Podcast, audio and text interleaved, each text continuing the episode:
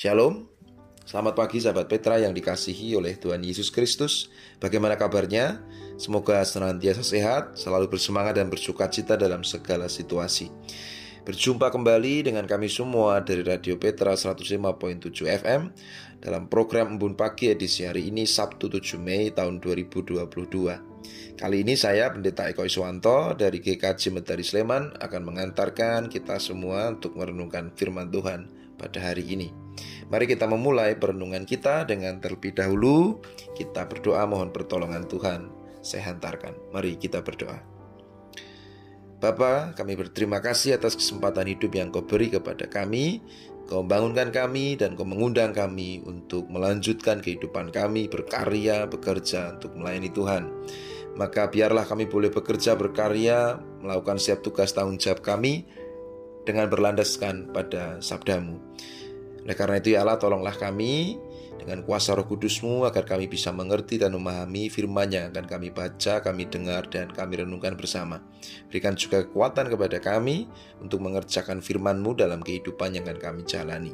Hambamu yang sungguh penuh akan dosa dan kesalahan ini, kiranya Allah melayakkannya untuk menyampaikan kebenaran firman-Mu.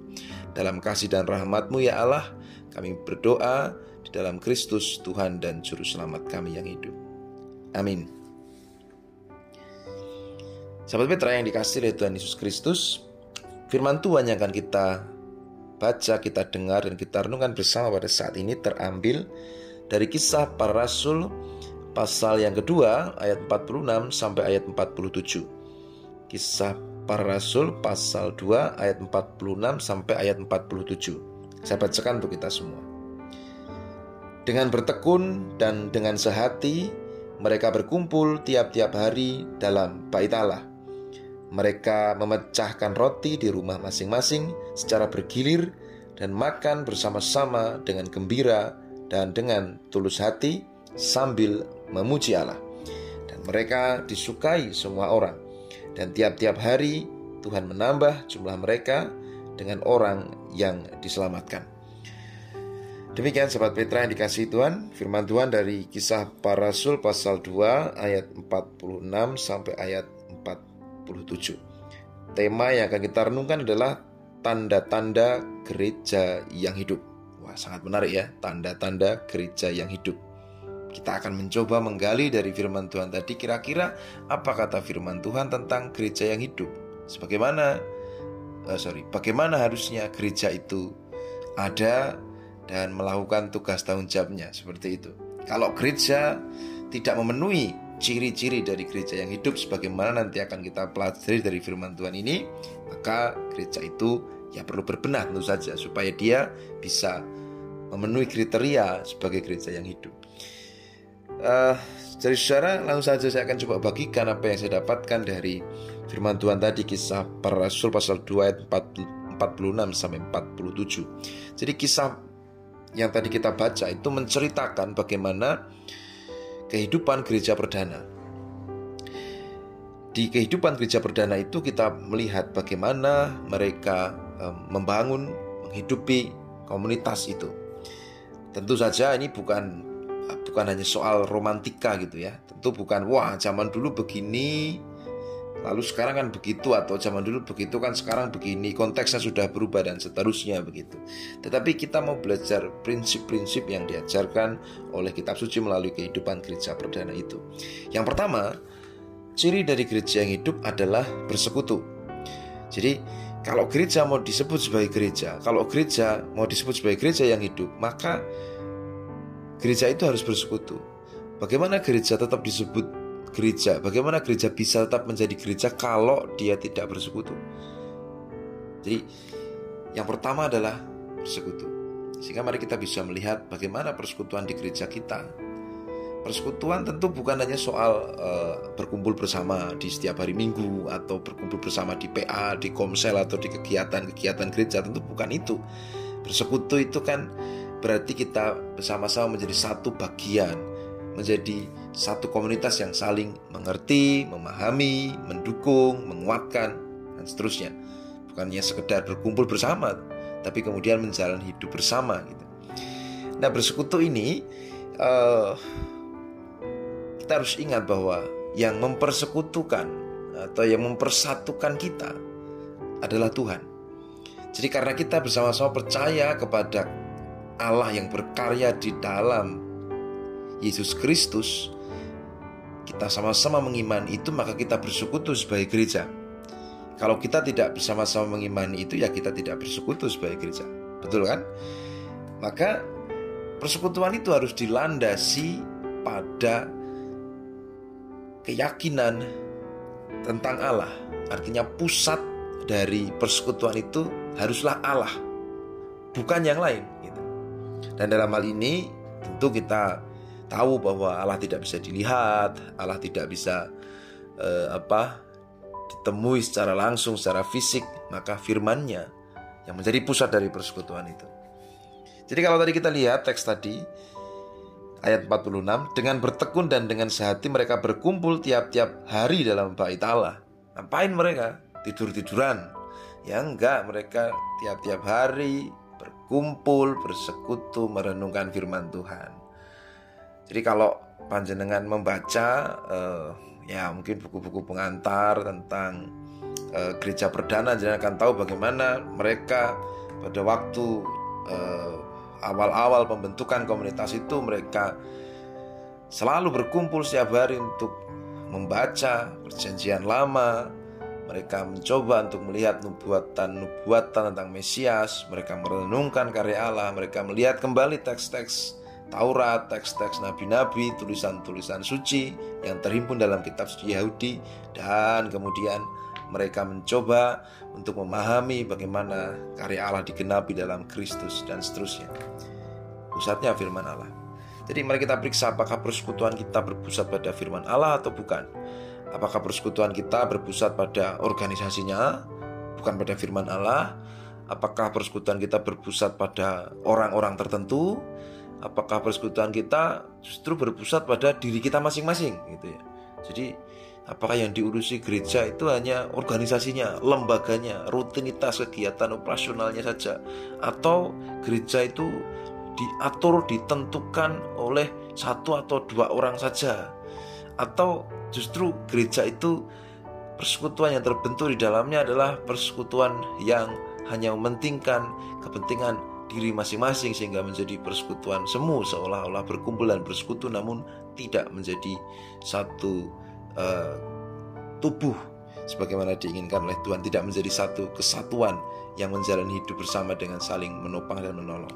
Jadi begitu ya persekutuan bersekutu ciri yang pertama. Oleh karena itu uh, bagaimana ketika di tengah pandemi kita tetap berjuang untuk bersekutu itu bisa diapresiasi menjadi sebuah upaya gereja untuk tetap menjadi gereja yang hidup. Jadi meskipun tidak bisa berjumpa secara fisik, tidak bisa bersekutu secara fisik, maka persekutuan secara online, secara daring di semua gereja menjadi satu upaya gereja untuk tetap menghadirkan persekutuan. Tapi ingat, tidak hanya sekedar bisa berkumpul gitu ya. Jadi gereja tidak bisa hanya sekedar wah, tidak bisa bersekutu fisik sudah bersekutu secara online kok. Lalu sudah merasa mengerjakan tugasnya sebagai gereja gitu. Belum tentu gitu. Kalau kemudian sama saja persekutuan yang dibentuk tidak menjadi persekutuan yang penuh dengan cinta kasih, namun sama saja hanya sekedar berkumpul begitu. Jadi itu yang pertama cirinya adalah uh, bersekutu. Kemudian yang kedua itu berbagi. Jadi Komunitas gereja perdana, orang-orang Kristen pada waktu itu, orang-orang yang percaya itu senantiasa mereka e, memecahkan roti di rumah masing-masing secara bergilir dan makan bersama-sama dengan gembira dan dengan tulus hati. Jadi tindakan pemecahan roti ini tentu saja terinspirasi dari Yesus yang memecahkan roti untuk para murid dan itu mereka kerjakan dalam rangka mengerjakan perintah Kristus sendiri. Tetapi sebenarnya pemecahan roti di sini juga menandakan soal berbagi kehidupan. Karena memecahkan roti itu juga memberi uh, makan pada orang-orang yang kesulitan makan gitu. Jadi pada waktu itu kalau orang ini uh, tidak apa ya dalam kehidupan keseharian ini mungkin mereka kesulitan untuk mendapatkan makanan, maka ketika mereka berada dalam komunitas, mereka pasti dapat makan karena mereka ikut serta dalam pemecahan roti. Jadi gereja yang hidup adalah gereja yang berbagi. Kalau gereja sudah tidak bisa berbagi, tidak mau berbagi, ya bagaimana dia mau disebut sebagai gereja? Jadi kalau kemudian uh, ada yang mengatakan tri tugas gereja, itu adalah apa? Kalau dirut dari tadi ya bersekutu, terus ini melayani, terus nanti bersaksi misalnya. Nah, oke, okay, bolehlah kalau kita mau pakai analogi itu. Atau ada yang kemudian mengatakan bersekutu dan melayani itu menjadi tugas ke dalam, lalu bersaksi dari tugas keluar begitu. Bersekutu dan melayani menjadi upaya memelihara iman lalu bersaksi menjadi sebuah tugas memberitakan Injil ya boleh bolehlah. Tapi kalau dari tiga hal tadi bersekutu sudah lalu melayani ini saya usulkan untuk bisa kita pahami sebagai berbagi. Jadi melayani itu seperti apa tuh supaya jangan hanya menjadi sebuah ungkapan yang klise saling melayani dalam dalam gereja. Melayani di situ ya berbagi. Berbagi apa pun. Berbagi kesusahan berbagi penderitaan, berbagi pergumulan, berbagi sukacita, berbagi kegembiraan, berbagi harapan, dan berbagi apa pun, berbagi harta benda, berbagi semua yang dimiliki, sehingga setiap orang yang ada dalam gereja mendapatkan pengharapan untuk bisa terus melanjutkan kehidupannya karena ada saudara-saudara seiman yang menopang dan menolong kehidupannya. Jadi, ciri yang kedua, berbagi. Maka kalau dalam gereja kita sendiri sudah merasa males kalau direpotkan oleh saudara seiman, males menolong, males ribet, males macem-macem, lalu menjadi tidak peduli, ya mosok gereja seperti itu. Jadi mari kita lihat kembali, melayani ini dalam arti berbagi.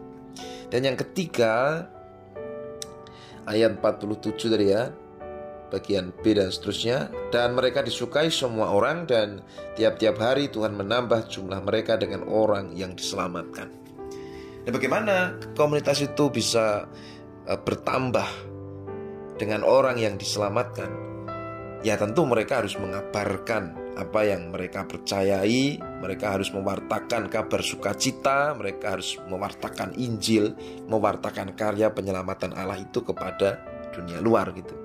Tidak ada orang yang kemudian ujuk-ujuk tiba-tiba percaya kepada Yesus tanpa kemudian mendengar ataupun berjumpa dengan Yesus ataupun mendengar pewartaan dari saudara-saudara seiman begitu. Ya mungkin ada kalau orang yang mungkin ditemui oleh Yesus begitu dia sama sekali belum pernah mendengar tentang Yesus atau ya paling tidak mendengar tapi nggak percaya lalu ditemui Yesus gitu ya mungkin ada tapi jumlahnya kan tentu sedikit sekali begitu ya justru tugas gereja adalah mewartakan itu.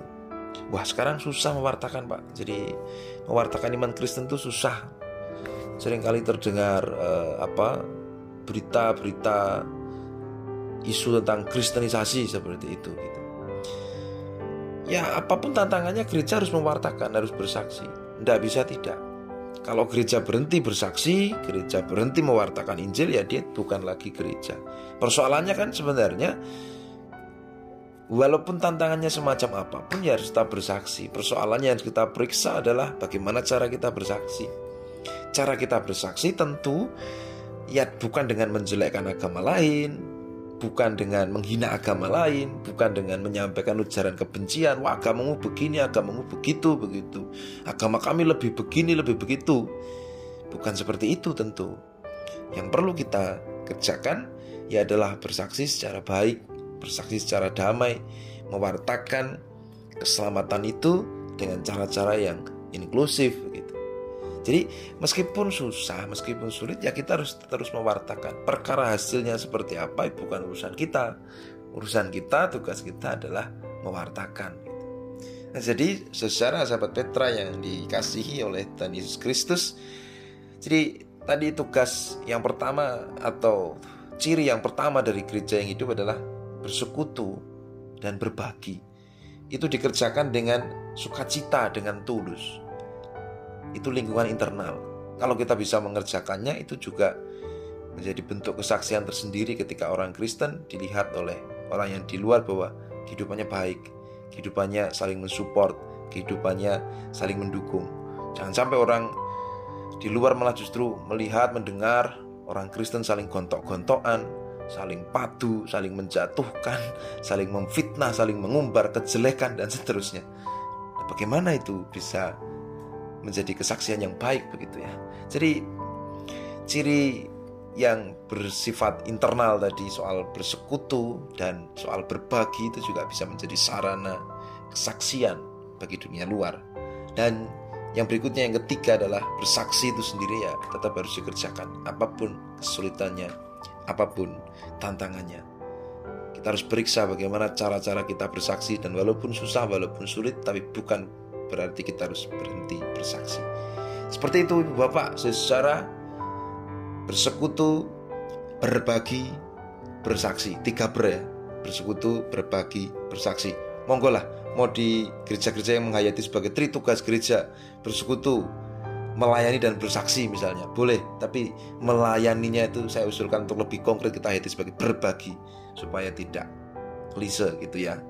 Lalu kemudian kalau mau menghayati sebagai oh itu tugas pemeliharaan iman. Ada gereja yang menghayati tugas internalnya bersekutu dan melayani itu adalah pemeliharaan iman. Maka saya ingatkan kembali juga melayani dalam arti berbagi supaya tidak klise. Lalu tugas ataupun ciri yang ketiga adalah ya bersaksi itu sendiri. Apa pun tantangannya, apa pun kesulitannya, harus tetap bersaksi. Bersaksilah secara baik, bersaksilah secara inklusif, bersaksilah secara damai, bersaksilah dengan penuh kasih. Demikian Sobat Petra yang dikasih oleh Tuhan Yesus Kristus, tiga tanda gereja yang hidup. Semoga kita sungguh menjadi agen-agen dari gereja yang hidup. Selamat bersekutu, berbagi dan bersaksi. Tuhan memberkati. Amin. Mari kita mohon berkat Tuhan di dalam doa untuk tugas kita menghadirkan tanda-tanda gereja yang hidup. Mari kita berdoa. Kami berterima kasih ya Allah karena Engkau mengizinkan kami belajar dari firman-Mu. Tolonglah kami untuk mengerjakan firman-Mu dan biarlah kami sungguh menjadi agen-agen dari gereja yang hidup di tempat kami bersekutu, di tempat kami bergereja, dan bersama saudara-saudara kami seiman yang lain, biarlah kami boleh menghadirkan gereja yang hidup itu sebagai tanda dari pelayanan kami, dari cinta kami kepadamu yang telah terlebih dahulu mencintai dan mengasihi kami. Biarlah kami boleh terus bersekutu, kami terus ber boleh berbagi, dan kami terus bisa bersaksi mewartakan kasihmu. Tolonglah kami ya Allah, untuk menjadi gereja-gereja dan persekutuan yang sungguh menghadirkan kehendakmu. Kami mohon berkatmu untuk kehidupan kami seharian ini, sertailah kami dalam mengerjakan tugas, tanggung jawab, dan pelayanan kami. Kami berdoa supaya kami senantiasa sehat, kami berdoa supaya pekerjaan kami diberi kelancaran, kami berdoa untuk setiap tugas, tanggung jawab, dan pelayanan kami, studi kami, Tuhan memberkati dan menyertai kami semua, Tuhan kiranya juga memberkati setiap relasi kami, Tuhan juga memberkati setiap aktivitas kami, sehingga apa yang, kami kerjakan berkenan kepadamu. Ini doa dan permohonan kami ya Allah, semua kami naikkan kepadamu dalam Kristus, Tuhan dan Juru Selamat kami yang hidup. Amin.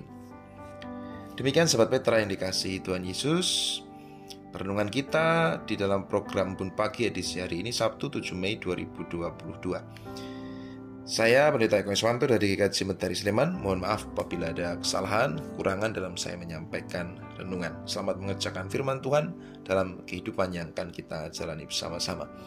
Sampai ketemu kembali di lain kesempatan, khususnya di program Bun Pagi, masih bersama dengan kami semua dari Radio Petra 105.7 FM. Jangan lupa untuk mengasihi setiap orang yang kita jumpai hari ini. Sampai ketemu kembali, Tuhan Yesus memberkati. Amin.